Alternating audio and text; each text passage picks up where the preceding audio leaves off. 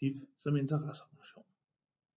En stor del af DIFs arbejde er at være specialforbundene og DIF-idrættens interesseorganisation. Derfor fylder den politiske interessevaretagelse også en stor del af DIF-administrationens tid. Umiddelbart tænker man, at det vel nærmest kun kan være idrætspolitik, der kan fylde for en idrætsorganisation. Men sådan forholder det sig ikke. Det er faktisk kun 5% af det politiske arbejde, der relaterer sig direkte til decideret idrætspolitik. De resterende 95% af energien går til andre felter, hvor DIF og specialforbundene spiller en vigtig rolle i det danske samfund. Det drejer sig blandt andet om integrationspolitik, eksemplificeret ved DIFs Get to Sport, eller erhvervspolitik, hvor vi ser DIF Innovation Lab. Dette arbejde er en væsentlig årsag til DIFs økonomiske tilskud, og det er derfor vigtigt at fastholde DIF-idrættens indflydelse på de politiske arenaer.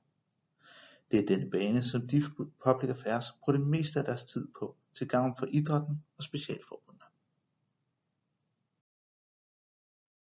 De vigtigste politiske spillebaner for DIF er Christiansborg, kommunerne, partnerskabsaftaler og international indflydelse.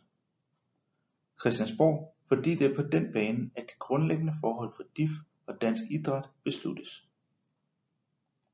Kommunerne, fordi det er rammebetingelserne fra kommunernes side, der i høj grad afgør, hvordan DIFs mere end 9.200 foreninger kan bidrage til at få så mange danskere som muligt gjort idrætsaktive. Partnerskaber, hvilket skal ses i relation til, at DIF i de seneste år har indgået en række partnerskaber med organisationer uden for idrættens verden. International indflydelse fordi en række af idrættens mest alvorlige udfordringer, eksempelvis inden for doping, matchfixing og kampen mod korruption, skal løses internationalt.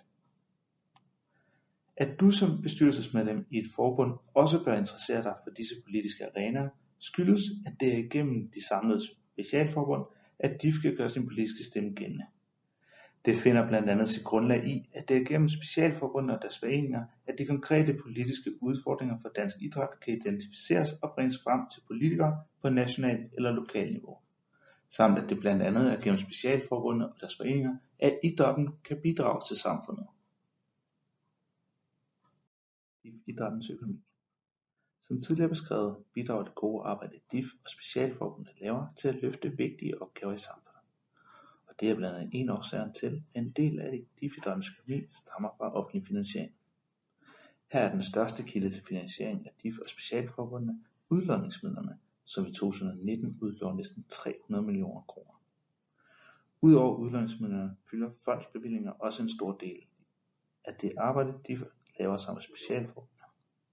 Det ses blandt andet også gennem det fælles visionsarbejde med DGI om bevægelse for livet, som støttes af Trykfonden og Nordea og hvordan bruges midlerne i DIF så egentlig? Her kan du se en graf, der viser fordelingen af midler i 2018.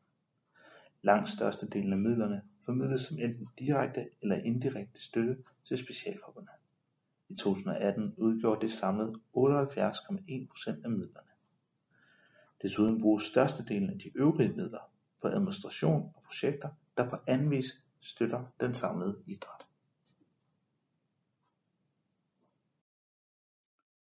Fordelingen af midlerne til specialforbundet DIF sker gennem den økonomiske støttestruktur, der er vedtaget af repræsentantskabet.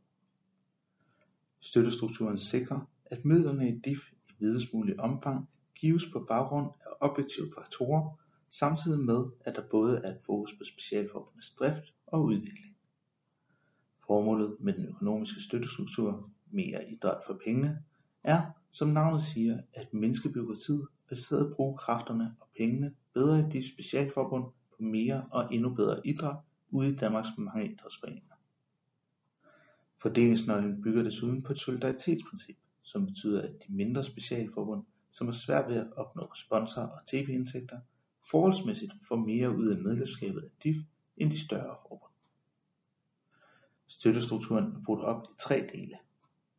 5% af midlerne går til initiativstøtte, 55 går til strategisk støtte og 40% går til grundstøtte. Hvad der menes med de tre dele vil nu kort blive forklaret. Grundstøtte Grundstøtte er støtte til drift inklusive administration og basisaktiviteter. Grundstøtten fordeles efter et antal objektive kriterier. Kriterierne for grundstøtte er få og kræver en lav grad af administration fra forbundets side.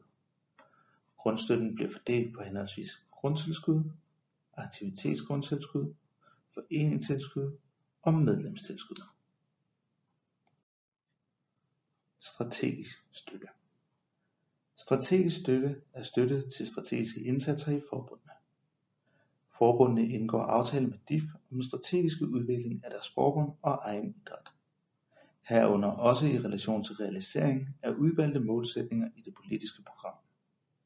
Dialogen tager udgangspunkt i et oplæg fra forbundet baseret på disses mål og strategier, analyser med videre. Alle forbundene får som udgangspunkt en aftale med DIF. De strategiske aftaler kan indeholde støtte til medarbejderressourcer koblet op på de strategiske spor i strategiaftalerne. Initiativstøtten Initiativstøtten er en projektpulje, som alle forbund kan søge. Formålet med puljen er at skabe en fleksibel finansieringsmulighed, hvor mere kortsigtede og pludselig opståede udviklingsinitiativer kan støttes. Som bestyrelsesmedlem er det vigtigt, at du har indsigt i den økonomiske støttestruktur i DIF og de muligheder, den giver jeres forbund. Det er i den forstand vigtigt at huske på den tidligere ramme om at fokusere på både drift og udvikling på kort og lang sigt, da det kan have stor betydning for jeres forbunds økonomiske situation.